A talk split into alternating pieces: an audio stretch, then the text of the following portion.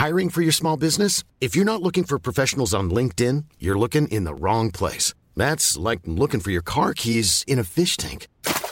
LinkedIn helps you hire professionals you can't find anywhere else, even those who aren't actively searching for a new job but might be open to the perfect role. In a given month, over 70% of LinkedIn users don't even visit other leading job sites. So start looking in the right place. With LinkedIn, you can hire professionals like a professional. Post your free job on linkedin.com slash people today. Everyone knows therapy is great for solving problems. But getting therapy has its own problems too. Like finding the right therapist, fitting into their schedule, and of course, the cost. Well, BetterHelp can solve those problems. It's totally online and built around your schedule. It's surprisingly affordable too. Connect with a credentialed therapist by phone, video, or online chat, all from the comfort of your home. Visit betterhelp.com to learn more and save 10% on your first month. That's BetterHelp H E L P. Burrow is a furniture company known for timeless design and thoughtful construction and free shipping, and that extends to their outdoor collection. Their outdoor furniture is built to withstand the elements, featuring rust-proof stainless steel hardware, weather-ready teak, and quick-dry foam cushions. For Memorial Day, get 15% off your Burrow purchase at burrow.com slash ACAST and up to 25% off outdoor. That's up to 25% off outdoor furniture at burrow.com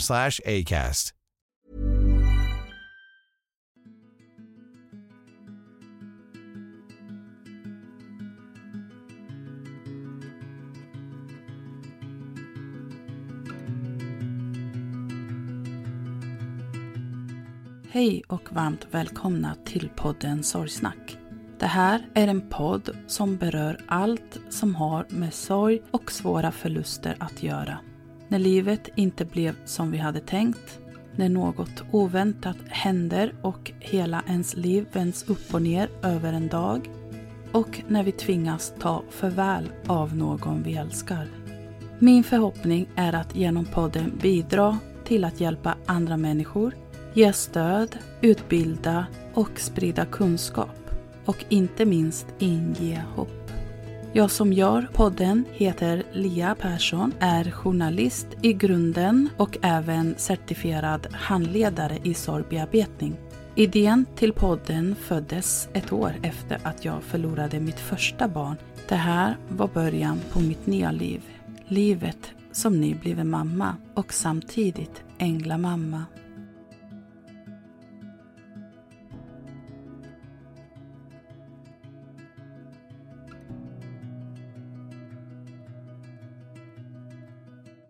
Hej och välkomna till ännu ett avsnitt av podden Sorgsnack. Idag sitter jag här med Kristina Broma Rosenius. och Kristina har gästat podden tidigare där hon berättade om sin dotter Emma som dog i suicid i december 2015. Och det är avsnitt fyra om ni vill lyssna på detta.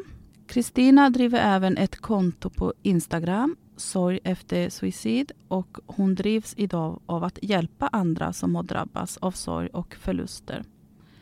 Hon är med och utbildar Region Stockholms läkare och vårdpersonal inom psykisk ohälsa och suicid från ett icke-kliniskt perspektiv.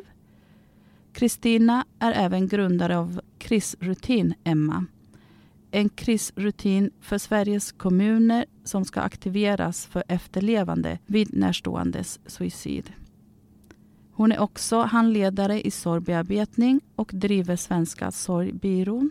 I det här avsnittet kommer vi dels att samtala kring hur vi träffades första gången men även det som är de vanligaste frågor och funderingar som brukar komma in gällande hur man tar sig vidare efter en svår förlust och detta kopplat då till främst eh, första perioden, man kan säga första sorgeåret.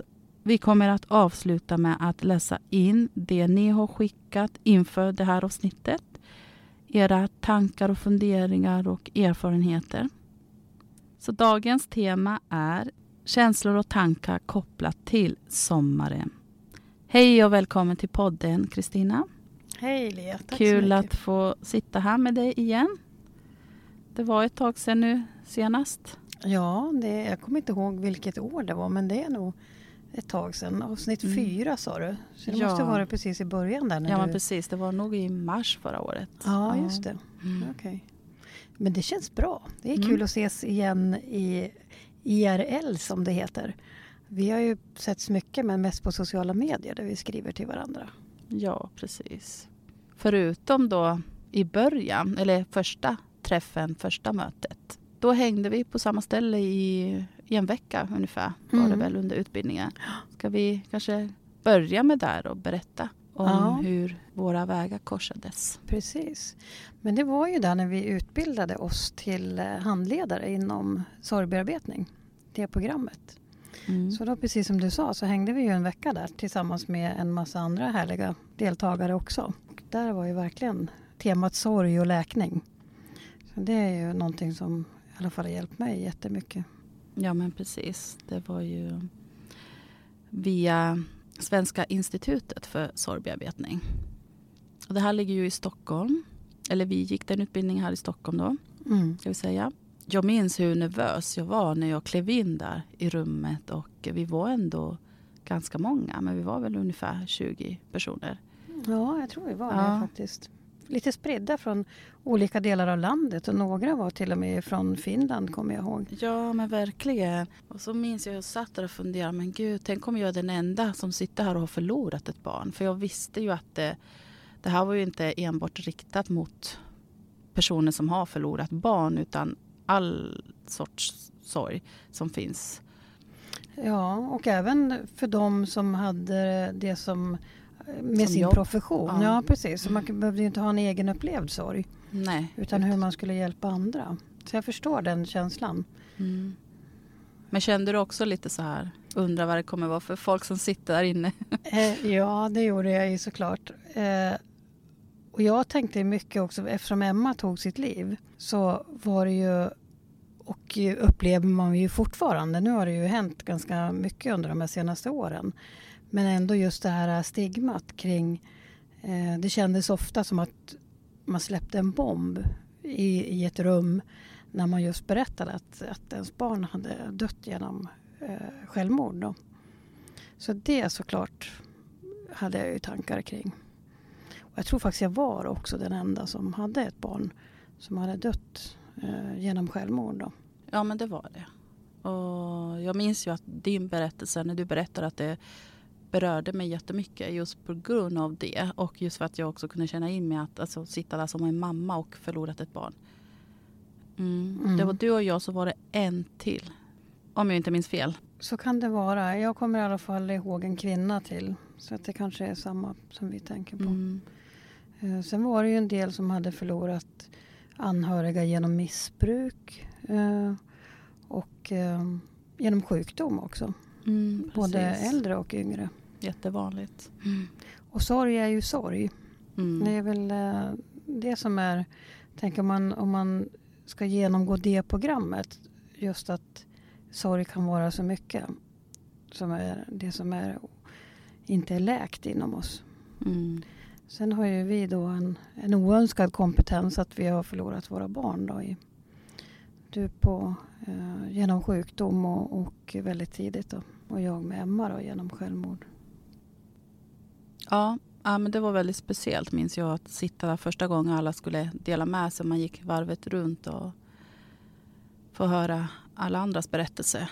Mm. För det är ju så att man måste, för att genomgå en sån här utbildning så måste man ju någonstans även själv ha kommit en bit på vägen, tror jag. För att dels orka ta in andras berättelser, men just att det här kunna känna att eh, oavsett vad du går igenom så är det minst lika viktigt och eh, jag menar att man ska kunna finnas där för varandra, stötta varandra och jobba i grupp och ja. Precis, och det tyckte jag var eh, väldigt fint där faktiskt med den där utbildningen.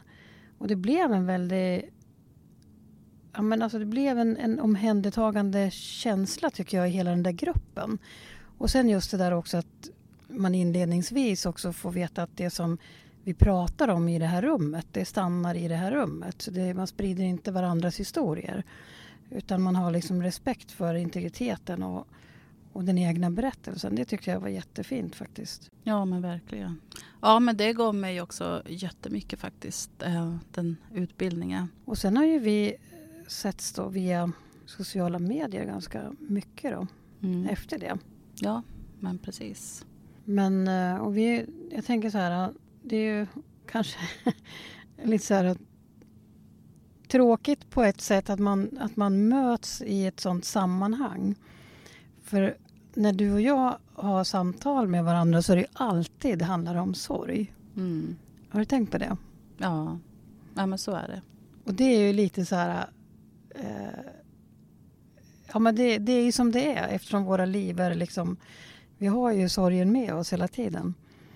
Men eh, om man tittar utifrån så, så är det nog många som tycker att... Hur, hur mycket kan man prata om sorg egentligen? Det borde ju ta slut någon gång. Mm. Oh, nej, men det finns hur mycket som helst att prata om skulle jag säga. Det tar ju aldrig slut. Nej. Det gör ju inte det. Och det är ju för att just att eh, tiden går. Vi går ju också framåt i tiden. Och med det så för det med sig att vi får nya erfarenheter och eh, har ju nya upplevelser att dela med oss. Vi är med om, fortsätter liksom att vara med om olika saker. Både kopplat till sorg generellt tänker jag men också då kanske till våra barn och så. Alltså vi upplever ju saker i tiden här och nu som vi kan liksom applicera på att men så här skulle det också varit om ja, men till exempel Emma var med eller Alexis var med. Så det, det kommer ju aldrig ta slut. Nej. Det ändrar ju bara form lite Ja. grann. Eh, precis som du säger så eftersom sorgen hela tiden är en ständig följeslagare så blir det ju upplevelser och, och ja, men årsdagar och, och liksom saker som man går igenom och där man också kan tänka hur, hur hade det varit om våra barn hade eh, fått leva vidare? Och vart hade de befunnit sig i livet? Det är någonting som jag kan tänka mycket på vad det gäller Emma faktiskt. Hur hade hennes liv sett ut? Så det är ju som, precis som du säger, där, det ändrar ju liksom skepnad eh, allt eftersom man själv får nya erfarenheter. Och Absolut. jag kan tänka när jag, när jag ser på foton från Emma. Där hon, Emma var ju 24 år när hon dog. Och då kan jag titta på bilder som är tagna alldeles innan hon, eh, hon dör. Eh, där hon liksom var full av liv och glädje och, och sådär. Men ändå hur, när jag blir äldre så blir hon yngre. Så det, det där är, tänker jag ofta på eh, och reflekterar över framförallt när jag står vid hennes grav eftersom vi har ett foto där på henne. Så just det här att ju äldre jag blir desto yngre tycker jag att hon blir. Så det blir ju många sådana där eh, tankar som man inte riktigt får ihop. Liksom för tid är ju, är ju så väldigt olika beroende på vad den innehåller. Mm. Ja, men jag, ja, jag håller med dig 100 procent. Så tänker jag också ibland när jag tittar på bilder på Alexis som nyfödd när vi var på sjukhuset.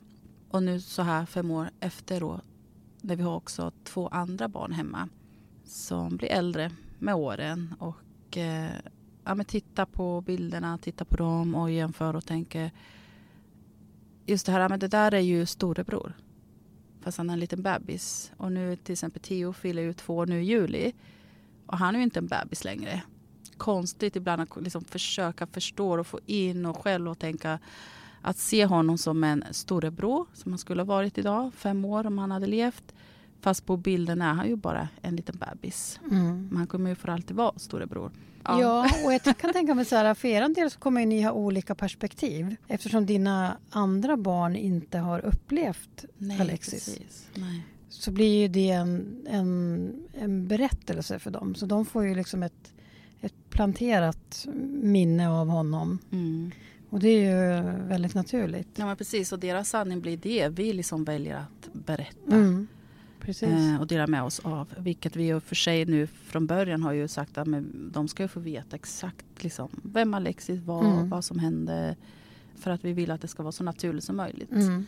Och en del i deras liv också att de inte ska känna att, att det är någonting lite eller jobbigt Nej. eller så. Någonting konstigt utan han är ju en del av vår familj. Mm. Och kommer alltid vara det. Och det tror jag är jätteviktigt. För jag, jag kan personligen uppleva att vi är så dåliga på att prata om döden. Det är precis som att eh, om vi inte pratar om döden så finns den inte. Mm. Istället för att Som göra att vi kan döden... ducka för den. och- Ja, men lite så. För att det är något det. läskigt och sådär. Och då, då tror jag också att man skapar ju mer ångest inför den. Mm. Eh, än om man låter den vara en del av livet. Mm. För att livet kan ju inte finnas om inte döden finns och tvärtom. Nej, De är ju liksom... Och ingen av oss kommer komma undan det. Nej, Oavsett. Det är alla det att dö. enda vi kan vara säkra på. Mm. Frågan är bara när och hur. Mm. Men ja.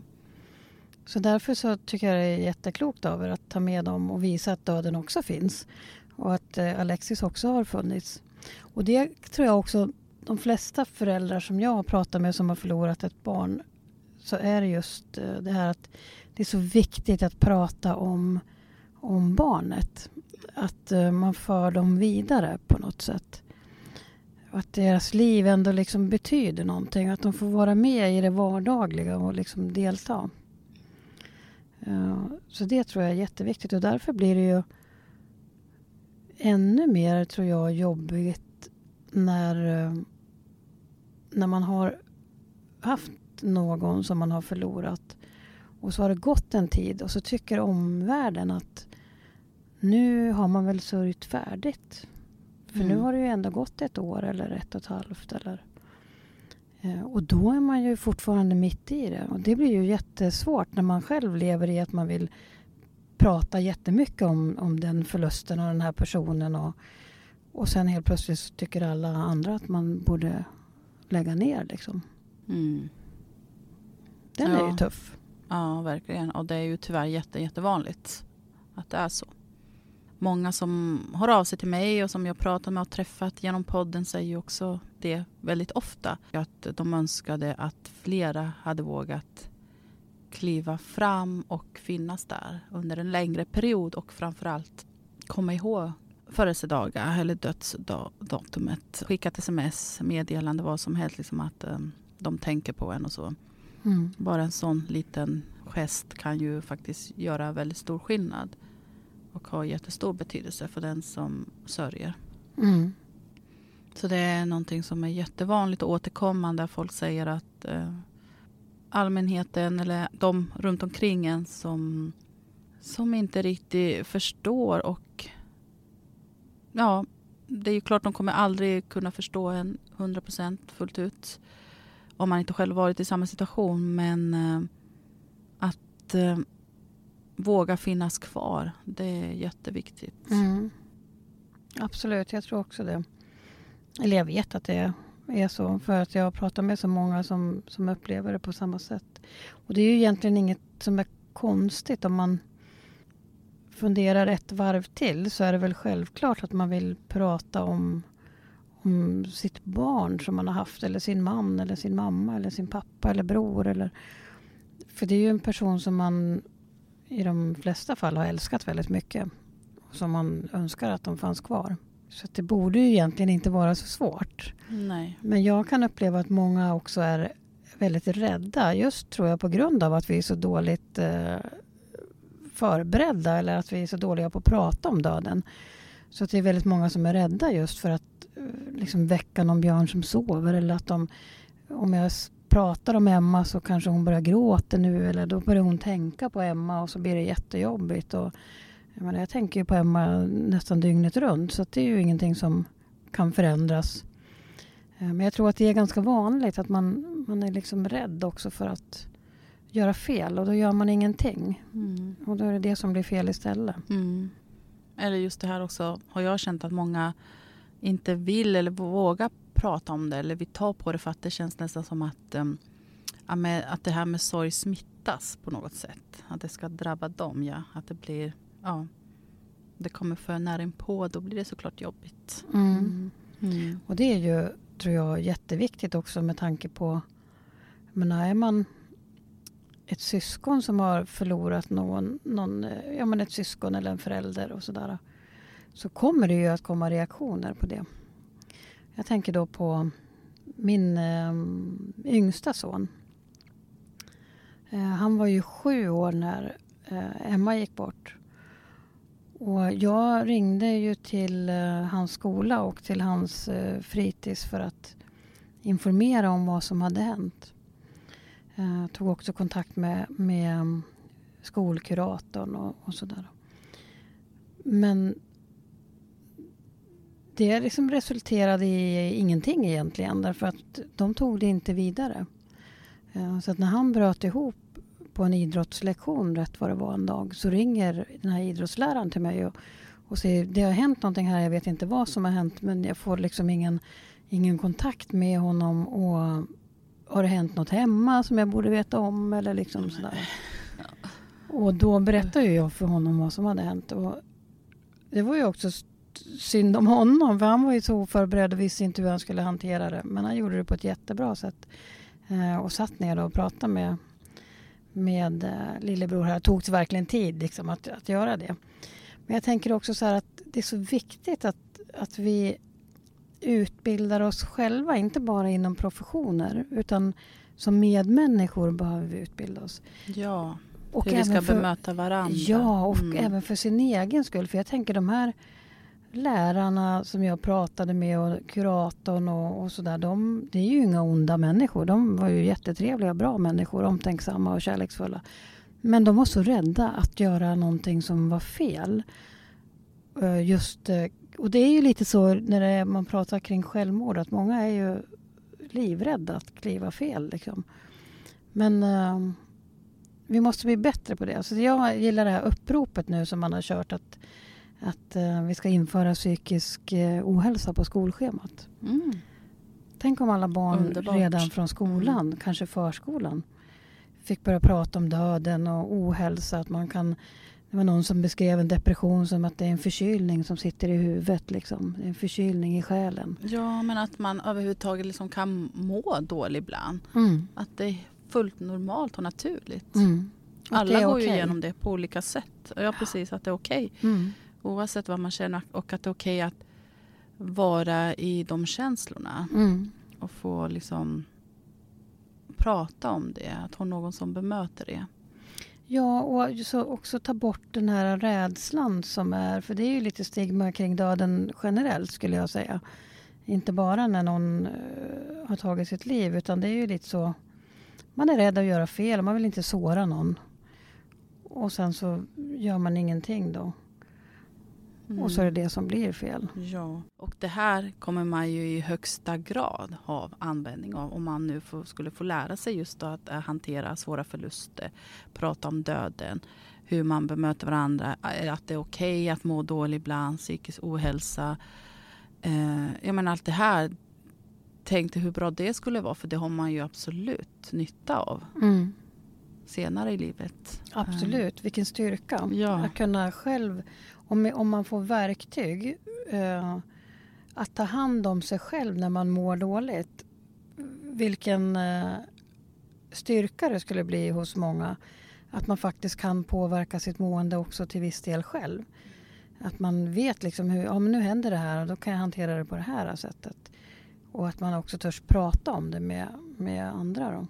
Jag har ju ganska många i, i mitt jobb så har jag mycket yngre um, medarbetare som jag kommer i kontakt med. Och eh, de är ju helt oförberedda, många, på, på livet. Alltså bara det vanliga livet. Man, man har liksom ingen förståelse för att livet går upp och ner och att det är normalt.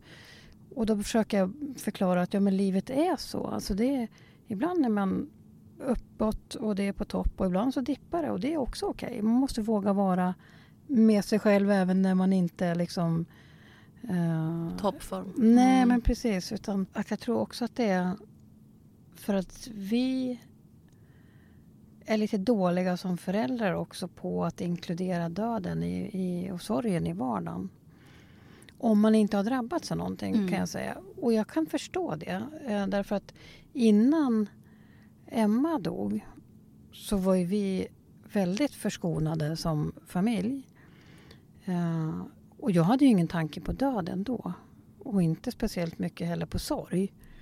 Uh, för jag hade haft den turen att jag hade inte förlorat någon nära anhörig Eh, jag hade förlorat min pappa och det var en stor sorg. Så att jag hade ju känt av sorgen men, men ingen... Eh, det blir på ett annat sätt när man har upplevt sorgen så som vi har gjort. Och då självklart så blir ju vi också mer lyhörda. Det är det jag vill säga. Mm. Så man, jag vill inte lägga skuld på andra människor för att man inte tar in sorgen eller döden. Eller, för att det gör man ju inte i normala fall tror jag om man inte har drabbats av någonting. Nej, precis. Det beror på vad man har med sig i bagaget. Ja. Mm. Mm. Eller om man, om man är så insiktsfull så man tänker att det här um, är viktigt så jag, jag ska inkludera döden i livet också med mina barn och prata om det. och mm. så där. Och det, det, är väl en del människor som är det. Men, mm. ja, de flesta har vi ju fullt upp med att leva. Liksom. Och det är ja. väl bra också. Mm. Absolut. Just därför kanske det är ännu viktigare, för att eftersom det ändå är så pass ovanligt, så kanske det är ännu viktigare att man tar in det redan på, på skolan. Alltså när barnen är små. För att jag tror att generellt så har ju de flesta människor och det är ju bra, fullt upp med att leva så att man tänker inte så mycket på döden medan man lever. Och därför kanske man också alltså det kanske inte är något undvikande att man inte pratar om döden. Förstår du vad jag menar? Mm. Det kanske bara är att man har inte haft döden liksom, som har hälsat på. Man har liksom inte upplevt så mycket sorg och, och död i sitt liv. Vilket, man, ja, men vilket är skönt såklart om man är förskonad ifrån. Men just därför så kanske man inte haft någon naturlig ingång heller till att prata om det. Och då vore det ännu bättre om man på idrotten till exempel eh, för in det psykisk ohälsa och man pratar om död och man pratar om depressioner eller vad det nu var. Så att mm. man ändå får, får med det, att barnen får med det också. För det blir ju nästa generation så kommer det bli naturligt för dem att prata om det. Mm. Så är det ju inte för oss. Nej, precis. Så att, eh, jag tror det är jätteviktigt faktiskt. För att hjälpa människor längre fram om det, när, man, när det händer någonting. Eller om det händer någonting. Ja, när det händer någonting. Mm. Hur tänker du då? Jag, jag får ju mycket frågor så här om... Eh, oftast så är det ju föräldrar som kontaktar mig som har förlorat sitt barn då i eh, självmord. Och eh, en vanligt förekommande fråga är hur, hur gör man? Hur tar man sig vidare? Mm. Hur, jag, jag, orkar inte mer. Vad, vad ska jag göra? Mm. Men jag vet inte vad jag ska ta, ta mig till. Det är Nej. jättevanligt. För inte allt för länge sedan så fick jag ett mejl också. Men det här var en eh, man som hade förlorat sin fru. Och jag tror det hade gått så bara två dagar efter att han skickade mejlet till mig. Och då ringde jag honom faktiskt. Och vi samtalade ungefär en timme i telefon. Mm. För att jag känner att det här, och det har hänt flera gånger. Eh, när folk har hört av sig. Just det här omedelbara direkt efter. När det är så nära inpå jag vet hur viktigt det är att hitta någon, alltså ha ett skyddsnät, ha någon, någon man kan um, vända sig till. Oavsett vad den här personen har för roll egentligen. Utan det, det är lite här vi var inne på, alltså som medmänniska. Mm. Bara finnas där, bara lyssna. Mm. Ja, och precis som du säger, det, man behöver ju inte komma med några lösningar, för de finns ju Nej, oftast precis. inte. Um, och sen så behöver man inte göra någonting. Man behöver inte ha någon massa kloka idéer eller tankar. Eller, eh, man behöver egentligen bara lyssna. Mm. För det är det som är det viktiga då. Mm. Att det finns någon där. För det är ju väldigt många människor som lever ensam och så förlorar de sitt barn eller sin partner eller eh, vem man nu har förlorat. Men att man inte har någon familj sen. Man har ingen som man kan prata med. Man har kanske inga vänner heller så att man har det här sociala nätverket. Mm. Och vad händer med alla dem? Eller att man känner att ja, men, ja, man kanske har det, man kanske inte känner att man kan prata om det. Eller vill. Ja men precis. Mm. Mm. Många säger ju också att det är skönare ibland att eh, prata med någon helt utomstående. Mm. En tredje part, alltså någon som man inte känner sen innan. Mm. Och det kan jag förstå. Uh, för den, uh, det kan vara både och kan jag tänka. För ibland sådär när om jag träffar människor som, som jag inte känner sedan tidigare och så frågar de, ja men har du barn och sådär. Ibland kan jag ju säga då, jag säger alltid att jag har tre barn. Men eh, ibland kan jag ju lägga till att jag har två barn eh, i livet och ett barn som inte lever. Eh, men det där är ju inte, man har ju inte samma svar till alla människor. För man har ju olika relationer med olika personer. Mm. Och jag kanske känner att idag så orkar inte jag alls gå in på det här. Eller jag vill inte prata om, om eh, döden och sorgen och, och sådär. För att ibland vill man ju bara ja, men, leva vidare. Man vill inte liksom involvera alla, Nej, alla gånger. Så det där är ju som du säger, att man har någon kanske utomstående som man kan prata med som inte är eh, familj eller släkt eller arbetskompisar eller vänner och sådär. Mm. Den kan ju faktiskt också vara viktig. Men sen tror jag också att man får bara landa i att jag är inte ensam. Att det finns fler som har gått igenom det här tidigare. Att man kan få prata med någon där som verkligen förstår vad jag menar när jag säger att jag har upplevt det här. Mm. Ja, igenkänning. Mm. Mm. Jätteviktigt också. Att få känna gemenskap eller att Mm. hitta andra, andra som har gått igenom liknande situation. För det, det behöver ju inte... Alltså man kan ju ha jättefina vänner som är en, står en jättenära men, men man har inte samma upplevelse kring döden och sorgen och, och det. Så att där kan man inte kanske nå varandra på samma sätt. Så att det, och det är väl det lite grann som vi gör nu. Just det här att, att dela med oss av det vi har upplevt för att kunna ge andra den här trösten i att känna okej, det finns fler och de har upplevt det så där. Ja, det är därför jag känner så här. För det tyckte jag var... Det hände så mycket i mitt huvud första tiden som jag inte hade upplevt förut. Och en period tänkte jag jag kommer att bli tokig. Och så fick jag prata med andra som hade upplevt samma sak och så blev det så här, ah, okej, Mm. då vet jag att det här ja, men kommer det liksom... tyckte jag var skönt faktiskt. När man känner så här, men håller jag på att bli helt galen? Håller jag på att tappa det helt Mm. nu på riktigt? Mm. Och sen att få bekräftelse av andra, nej, det är faktiskt ganska vanligt. Ja. Och det är inget konstigt i och med den situationen man befinner sig i att faktiskt känna så, ha de här tankarna. Eh, att göra på det sättet man gör. Ja, jag håller med. Och den är, ju, den är ju mycket viktigare än man kanske förstår utifrån innan man eh, har upplevt en sån här eh, smärta själv. Mm. Jag hade ingen förståelse för det i alla fall kan jag säga innan Emma dog. För som jag sa, det, jag tänkte nog inte speciellt mycket på döden alls. Men jag tänker så här på, på det här... um, eh, du inledde här med att säga, uh, prata om sorgeåret. Mm. I'm Sandra, and I'm just the professional your small business was looking for. But you didn't hire me because you didn't use LinkedIn jobs. LinkedIn has professionals you can't find anywhere else, including those who aren't actively looking for a new job but might be open to the perfect role, like me. In a given month, over 70% of LinkedIn users don't visit other leading job sites. So if you're not looking on LinkedIn, you'll miss out on great candidates like Sandra. Start hiring professionals like a professional. Post your free job on linkedin.com/people today. Everyone knows therapy is great for solving problems, but getting therapy has its own problems too, like finding the right therapist, fitting into their schedule, and of course, the cost. Well, BetterHelp can solve those problems. It's totally online and built around your schedule. It's surprisingly affordable too. Connect with a credentialed therapist by phone, video, or online chat, all from the comfort of your home. Visit betterhelp.com to learn more and save 10% on your first month. That's BetterHelp, H E L P. Jag tycker inte om det året. Nej, och jag, jag tycker inte om... Jag brukar inte använda mig av det så Nej, mycket just på grund av det. för att jag tänker så här...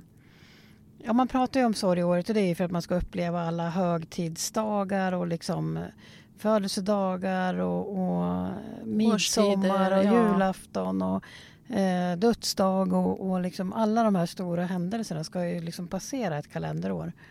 På något sätt så har man ju dragit det med ett likhetstecken med att efter ett år så har man sörjt färdigt. Mm. Och den är ju lite... Vem har bestämt det egentligen? Nej, men exakt. Och det där är ju lite, lite spännande när man börjar liksom gräva djupare i det. För att för det första så tar ju sorgen aldrig slut. Även om den ändrar form och Ja. den blir hanterbar på ett annat sätt. Och man, man klarar av att eh, leva med den. Och ett tag trodde jag att jag Mm. aldrig mer skulle kunna skratta till exempel. Ja, men det kan Ja. jag ju. Jag kan känna lycka och precis. sådär. Förhoppningsvis klarar man av det. Alltså Ja. så. Ja. Men, men det här sorgeåret, det är ofta där också som man har talas om att eh, människor försvinner ifrån den som sörjer. att man slutar höra av sig, att man inte pratar lika mycket om den som har, har dött. Utan man tycker att nu har det väl gått över lite grann. Mm. Eh, och det tycker jag är så här viktig sak faktiskt att vi tar upp idag också och Mm. pratar om för att det är så utbrett. Så att till och med eh, när, när människor behöver bli sjukskrivna och få vila if- ifrån liksom arbetet för att de har sån djup sorg så pratar man även där inom sjukvården om det här sorgeåret. Mm. Att liksom, nu har det gått så lång tid så att nu måste du tillbaka till arbetet för att det är bra för dig och sådär. Och för vissa kan det vara det. För mig funkade det jättebra. Jag gick tillbaka och arbetade ganska snabbt. Eh, för, att, för mig så var det att jag fick, jag fick semester ifrån sorgen när jag var på jobbet. För då Mm. tänkte jag på andra saker. Annars så tänkte jag hela Ja, tiden på sorgen. Men det måste för alla få är det vara högst så. individuellt. Mm. Absolut. Och det är jättemånga som jag pratar med som eh, knappt får vara sjukskriven alls. Utan det Nej, är liksom en, allt ifrån några veckor till eh, en månad eller fyra månader. Och där verkar det gå en gräns nästan. Jag tror att det är ett systemfel där. Så jag tror att det är för att man, man kopplar ihop sorg med sjukdom. Och så säger man att du är inte sjuk. Och det är ju sant. För du är ju inte sjuk för att du har sorg. Nej, det är ingen sjukdom. Men du har ju sorg. mm. Så du är väldigt, väldigt ledsen och du fungerar inte Nej. så som du normalt fungerar. Kroppen fungerar inte, huvudet Så att man måste ju inte. kanske tänka att ja, men man får vara sjukskriven för sjukdom men man får också vara sjukskriven för sorg. Så att man har en, en sorgsjukskrivning Mm. och den är särskild från den som du har när du är sjuk. Men apropå det vi var inne på, sorgeåret. Det funkade ska jag säga i början. Mm. Tills jag kom till det här berömda året som hade gått. Och då vände det helt. Eh, på mitt jobb ska jag säga. Eh, med min närmsta Då chef. tyckte man att nu var du färdig. Så Liksom. där, ja precis. Mm. Och där tänker jag också att det du är inne på nu just det här med arbetsgivaransvaret och, och liksom för där överallt så är det ju människor och vi är ju som vi var inne på i början dåligt utbildade i eh, död och sorg och psykisk ohälsa generellt sett. Och det är ju naturligtvis även så på de flesta arbetsplatser. Sen finns det ju personer på vissa ställen som är väldigt duktiga och som har ett personligt engagemang och som driver jättefina saker inom olika företag. Men det är ju inte så utbrett eftersom, eh, ja, men eftersom det ser ut som det gör utanför arbetet så ser det ju likadant ut innanför. Men jag tänker också på bara en sån sak där man har kanske har en arbetskollega som har, har dött. Antingen genom en olycka eller sjukdom eller ett självmord. Och liksom att kunna ta hand om arbetsgruppen där. Att vi måste också i liksom vårt ledarskap eller på våra ledare måste vi kunna ställa lite mera krav. Vi måste börja kunna göra det. Och se till att, att man utbildar inom företagen. Även kring de här frågorna. Det är lite mjukare. Mm. Eh, sen finns det naturligtvis undantag. Det finns de som är jätteduktiga och företag som går i bräschen och sådär. Men, men generellt sett så är det ju lite grann som du är inne på där. Att är, man har inte den här förståelsen. Och den kanske du och jag inte heller skulle ha haft om vi inte hade varit drabbade av det här. Men man får ju en annan sorts ödmjukhet inför Mm. människor och, och liv och död kan Ja. jag tycka. När man har upplevt en sån här stor Mm. förlust själv. Mm. Ja, och jag tror generellt sett så tror jag gott om, om alla människor nästan. Kan jag Ja, säga. nästan, jag håller med. Så jag, jag tror att man Några försöker ändå göra sitt bästa. Ja. Ja. Men man har liksom inte kapacitet för att man har inte utbildningen eller man har inte verktyg. Man har aldrig varit med Mm. om det.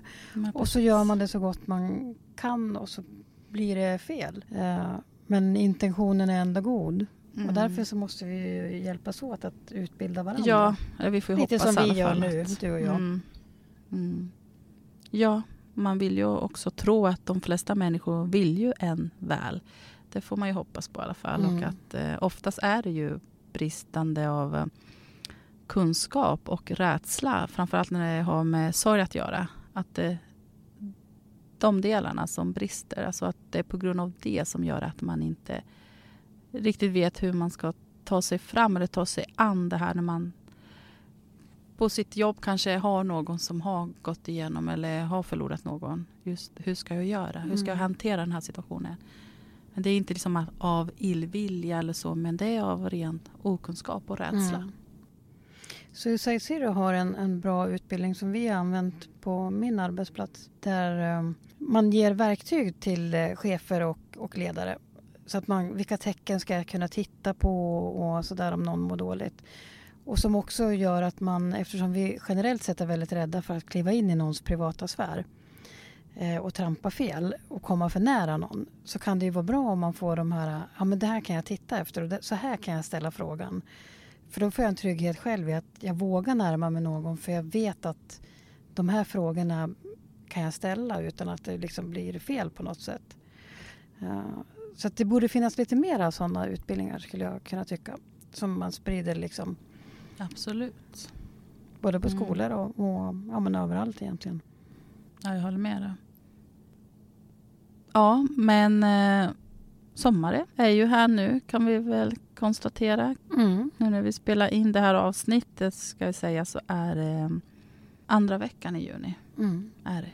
Och äntligen lite värme kan man väl säga faktiskt. Ja, men det har ju varit helt fantastiska dagar senaste veckan. Mm. Soligt, varmt och skönt för det mesta.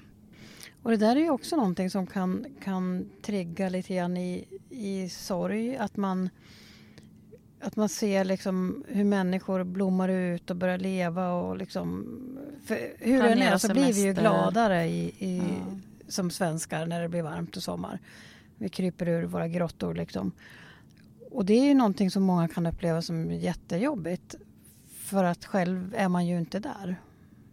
Utan man är väldigt långt ifrån det. Ja, men ja, absolut. Det är ju en stor trigger. Så jag är ju en av de som tycker det är jobbigt när man märker liksom så när man helt plötsligt så är det maj månad och så känner man den här paniken i kroppen. Åh oh, nej, nej, nej, snart är det juni. Låt mig hämta andan och försöka liksom förbereda mig för det. För varje år så kommer det liksom som en smäll ändå. Mm. Helt plötsligt så blinkar man till och så står man där igen. Ännu ett år har passerat. Eh, eller man står där precis inför årsdagen.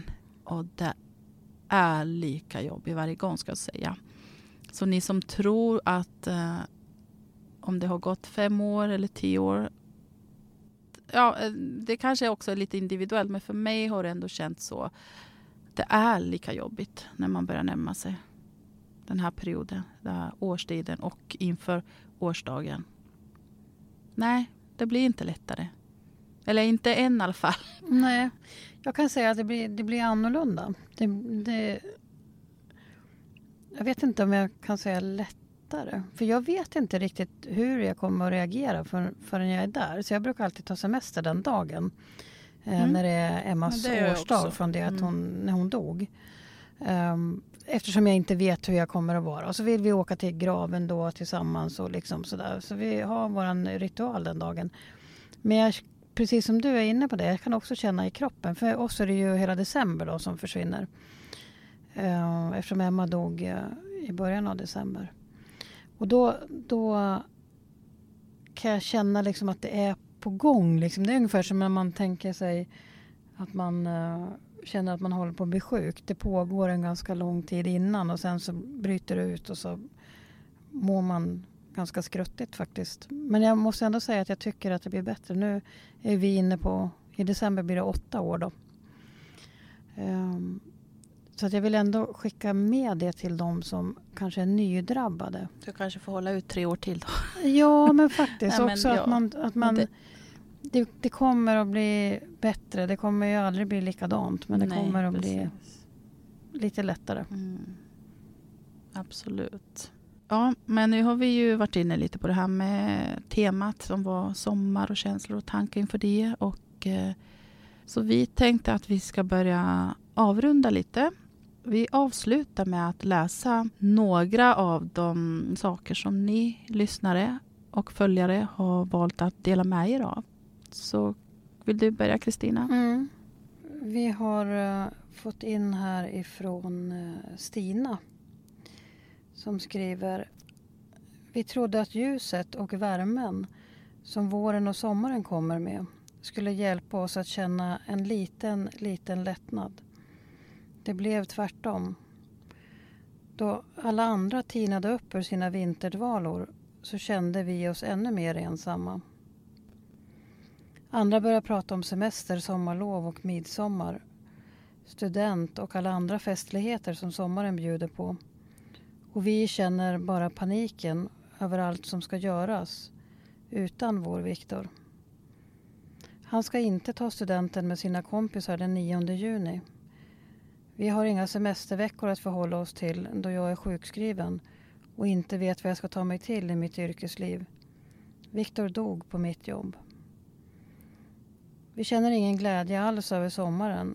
Vi vill bara att alla kryper tillbaka in i sina dvalor igen så att det känns mindre ensamt att stå i ett ljus som ändå är nattsvart. Mm. Väldigt fint formulerat. Ja, Även om det sorgligt såklart, såklart. är extremt Ja. sorgligt. Verkligen. Det måste kännas eh, jobbigt tänker jag och, och se Viktors kamrater ta studenten och Mm. springa ut och liksom vara lyckliga över att nu börjar livet och sen Ja. inte ens eget barn får delta i det. Mm. Jättefint skrivet. Tack Mm. Stina. Ja, tack Stina för att du ville dela med dig. Vi förstår att det inte är lätt. Inte lätt heller med nu med sommaren ja, och allt vad det för med sig såklart. Och vi önskar så att eh, Victor hade fått stanna kvar hos er. Om man får försöka liksom ge sig ut, även om, om kroppen skriker att man inte vill. Så för mig i alla fall, om jag bara pratar personligt. Eh, Emma dog ju när det var december. Men jag tvingade mig ändå ut, så att jag var utomhus mycket. Jag var i naturen och vi bodde nära havet då, så jag kunde promenera. Och, och liksom, det är ändå läkande. Kanske mer läkande än vad man tror. Så har man möjlighet till att befinna sig utomhus trots att man tycker att det är jobbigt så tror jag att det eh, kan underlätta lite grann Mm. på sikt. Mm. Men jag vill också säga att det här, hon skriver, vi känner ingen glädje alls över sommaren. Och jag vill bara skicka med att det är helt okej att känna så. Mm. Och det är så normalt att göra det. Jag tror nog de Verkligen. flesta har ju känt så här, kanske både över sommaren med jul, som också är en sån där högtid som alla förväntas att fira. Mm. För så var det för oss. Vi ställde in julen. Och det här är också helt okej. men ställ in sommaren. Ha Ja. inga krav. Sätt inga krav. Inga krav. Inga krav alls. Det behöver inte det. Vi har inte firat jul på riktigt Mm. eh, än faktiskt sen Emma gick bort. Hon dog ju i Ja, början av förstår det. Och Absolut. julen är ju helt... Mm. Nej men vi ställer in julen jämt. Den är inte viktig längre. Vi reser faktiskt bort då. Mm. Och så gör vi andra saker som fyller på. Mm. Så vi ersätter den med någonting som vi känner att vi behöver. Mm. Och det är helt okej. Ja, ja, verkligen. Det måste man få göra också. Och just det här att nej men, ställ inga orimliga krav på dig själv. Och det, det här Stina är inne på, vilket jag också förstår, att det blir så att man tittar på andra, ser vad de gör. Eh, men försök inte jämföra det med andra. Gör inte det. Nej, dra ner persiennerna en dag och stanna inomhus om man känner att man vill det. Ehm, och gå ut och delta eller inte. Men, men gör framförallt det som är bra för, för en själv skulle jag vilja skicka med. Mm, precis. Du sitter där med makten att faktiskt bestämma helt och hållet hur du vill ha det. Och det är din fulla rätt att göra det. Så det är Ja. du som eh, Och jag har rätt i tänka din mig, sorg, ingen annan. Nej, men jag kan också tänka mig att man, man kan inbilla sig ibland att folk har förväntningar på en. Som de faktiskt kanske inte har. För att de, de kanske också släpper förväntningarna när man är, befinner sig i en sån här situation. Men återigen, tack Stina för att du ville dela med dig. Den kan vi ta en till här. Från Magdalena. Och Magdalena skriver så här. Det är tungt inför sommaren. Det här blir första sommaren för mig utan min son Maximus. Han som var först i poolen, först i havet, först att sova ute. Först ut och fiska, klippte mormors gräsmatta varje vecka och så vidare. Idag för första gången vid havet som han älskade. Fikade kakor som han sålde inför studenten. Sorg i hjärtat men det var lite som att han var med oss i alla fall. Ta djupa andetag, gråter, tittar mot himlen, Följer fåglarna. Flyttar spindeln lite försiktigt. Försöker ta ett andetag i taget. Försöker få in luft. Men det är otroligt tungt nu. Och återigen tungt över alla de som lyser med sin frånvaro. Som tror att det är över. Som dricker sina drinkar i solen. Som inte frågar hur man mår. Det smärtar också. Tack fina ni för att ni pratar och pratar och pratar om det tunga ämnet. Kram Magdalena. Det var vi också lite inne på, just det här med att folk lyser med sin eh, frånvaro. Att det är Mm. många som känner det. Och speciellt tänker jag kanske i de här tiderna när det faktiskt är sommar. När man har kanske sin, sin egen student att fixa för sitt barn eller man planerar semestern, man ska resa bort. Men det är så mycket saker som ska hända hos oss alla under sommaren. Och då kanske man ännu mer blir bortglömd faktiskt.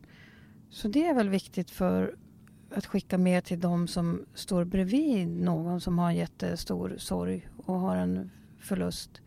Att uh, försök ändå att vara närvarande på något sätt. Det kan ju räcka med att man, man lyfter telefon och ringer eller att man skickar ett sms eller att man bara svänger in och tar en snabb fika. Eller... Mm, precis.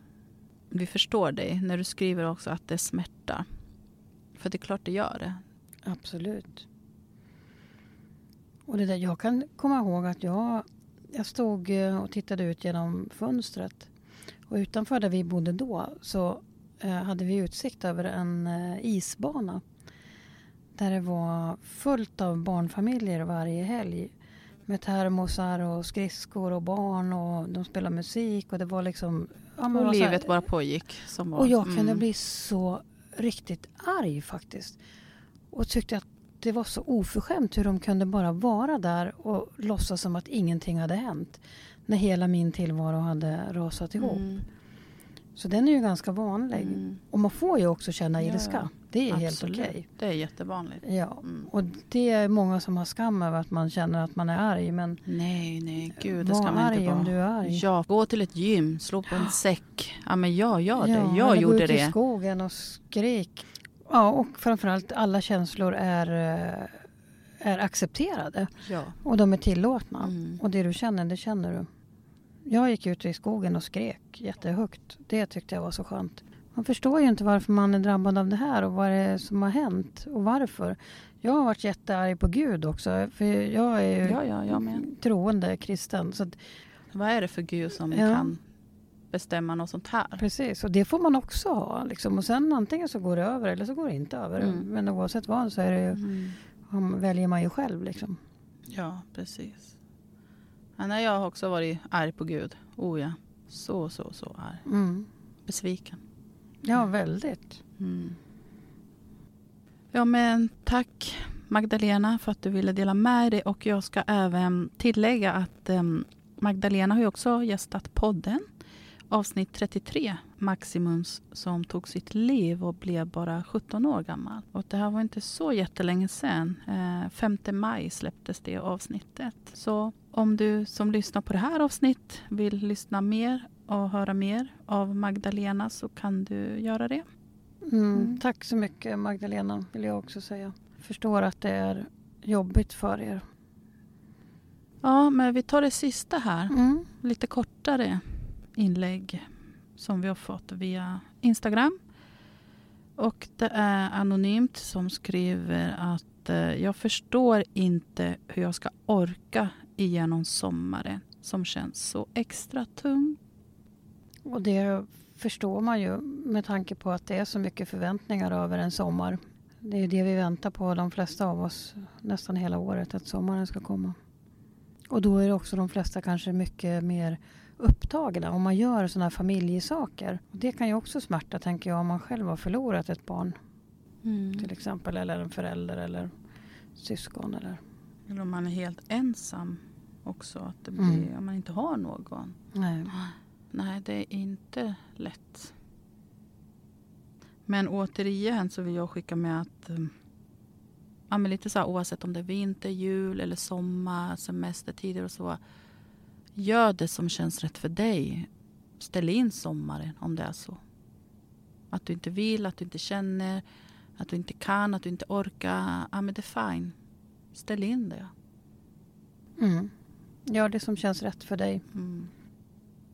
Och även då försök att um, ja, men hitta andra som du kan prata med eller dela dina upplevelser och tankar med som kanske gått igenom en svår förlust också.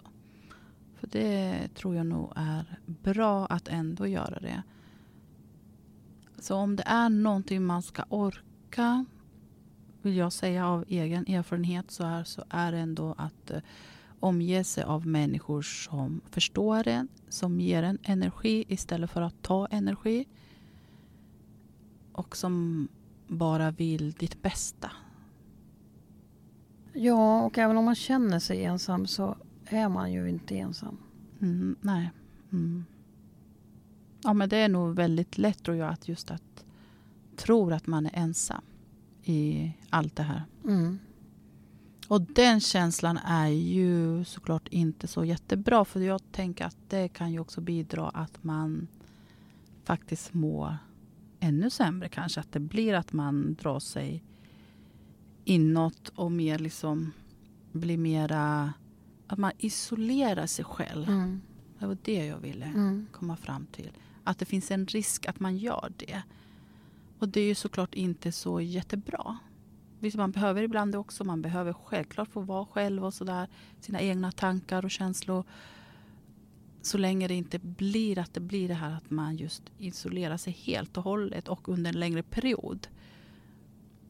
Det mår man nog inte så bra av. För vi människor är ju såklart, vi är ju flockdjur och vi behöver varandra i alla möjliga situationer. Så vi mår ju bättre av det, av att ha varandra. Men återigen tycker jag det är viktigt just att ha människor som faktiskt ger och inte tar energi. Ja, och framförallt gör det som känns rätt för dig.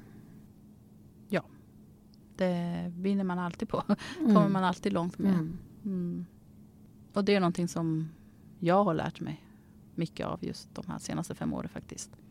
Ja, men jag gör sånt som jag mår bra av. Mm.